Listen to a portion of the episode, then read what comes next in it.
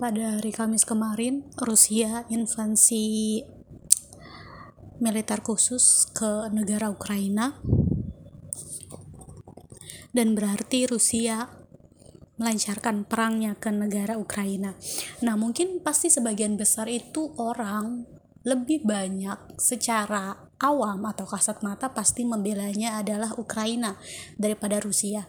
Tapi gue beruntung karena gue sebelumnya membaca tentang uh, latar belakang dari presiden Ukraina itu di harian This Way. Di harian This Way itu hariannya yang punyanya Pak Dahlan Iskan. Dan di situ di catatannya Pak Dahlan Iskan benar-benar ngasih tahu secara rinci bagaimana latar belakang dari presiden Ukraina yang ternyata sebelumnya adalah seorang pelawak profesional yang akhirnya bisa menjadi presiden Ukraina karena sebelumnya dia uh, ada di serial yang sangat-sangat populer di Ukraina. Jadi ratingnya tinggi banget dan di sana Zelensky ini presiden Rusia ini sebelumnya itu menjadi presiden di serial komedi itu. Di serial komedi itu dia menjadi presiden yang benar-benar sederhana, benar-benar menolong rakyatnya. Uh, ya yang benar-benar diinginkan lah sesosok pemimpin yang diinginkan oleh seluruh rakyat yang ada di dunia ini gitu. Sampai akhirnya intinya adalah dia berhasil menjadi presiden karena dia sangat populer. Nah kalau kita lihat bagaimana Rusia adalah negara yang sangat kuat.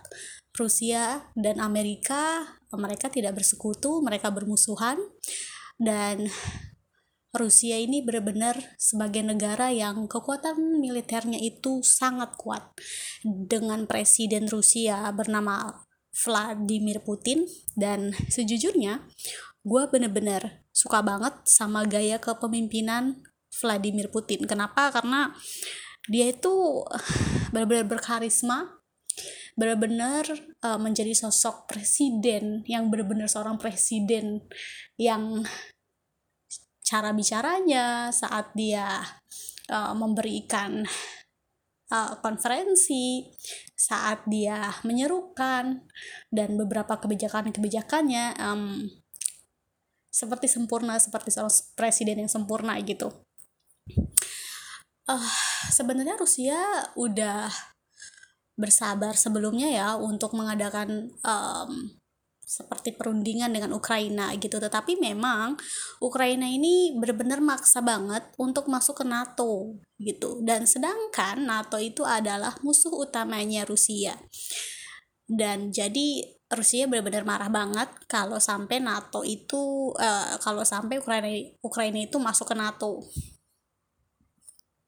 Sedangkan uh, Ukraina um, Rusia itu bisa mematikan negara Ukraina dengan menghentikan gas.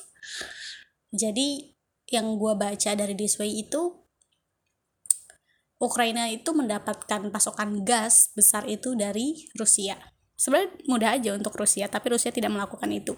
Sampai akhirnya Rusia melakukan invasi ke Ukraina karena mungkin secara gini, secara lebih mudahnya orang awam itu presiden Ukraina itu kayak terlalu genit gitu. Dia mau ke sana sini dia mau masuk yang jelas-jelas musuh besarnya Ukraina musuh besarnya Rusia, Rusia sorry. Dan dengan ketidakadanya pengalaman dari Zelensky atau presiden Ukraina ini ini yang menurut gue membuat banyak banget hal yang seharusnya itu harus yang nggak terjadi itu jadi terjadi karena tidak adanya pengalaman kepekaan diplomasi atau apa pun yang seharusnya dimiliki oleh seorang presiden suatu negara. Yang sekarang kita lihat adalah 137 orang di Ukraina itu meninggal karena perang itu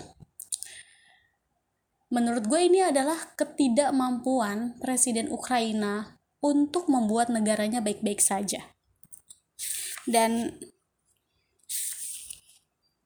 NATO pun tidak bisa memberikan uh, bantuan yang benar-benar yang dipentingkan oleh Ukraina gitu. Jadi Ukraina sebelumnya itu ngerasa ini banget, ngerasa apa? Yakin banget kalau dia itu bakal didukung oleh NATO. Karena kalau secara kemiliteran pun Ukraina kalah jauh dengan uh, Rusia. Nah, di sini gue udah nulis uh, for Phil Vladimir Putin atau Presiden Rusia. Jadi Vladimir Putin itu pernah menjadi agen intelijen dan dia uh, itu jurusan ilmu hukum dan bergabung dengan KGB dan dia bekerja sebagai mata-mata di luar negeri. Dia juga pernah bekerja untuk wali kota dan Putin juga ditunjuk jadi kepala FSB oleh Presiden Rusia kala itu. Jabatan Perdana Menteri sebelum jadi presiden dan akhirnya berhasil menjadi presiden saat ini. Jadi kalau bisa kita lihat dari pengalaman kedua presiden Rusia dan Ukraina Ukraina ini aja udah bener-bener berbeda banget gitu. Dan menjadi presiden itu bukan hanya sekadar populer. Karena kalau presiden hanya sekadar populer akhirnya jadi kayak gini. Akhirnya rakyat yang harus menderita gitu akhirnya ternyata perang terjadi. Seperti ini deh mudahnya saat kita mempunyai musuh yang sangat berkuasa dan mempunyai segala senjata, sedangkan kita sama sekali nggak punya itu atau bahkan sangat kurang deh. Dan kita nggak punya juga uh, teman-teman yang juga sebagai penguasa atau yang bisa ngalahin musuh kita itu. Jadi apa? Harusnya ya kita diem, kita nurut, kita ikutin perjanjian apa yang memang kita tahu itu menguntungkan kita juga. Jadi menurut gue Rusia sebenarnya udah agak sabar sih ya dengan Ukraina gitu. Sampai akhirnya perang kayak gini. Semoga perang ini bisa cepat berakhir menjadi pembelajaran bagi kita semua. Dan ya walaupun agak ironis di tahun 2022 masih ada perang tapi iya. Karena hanya mereka yang tahu. Thank you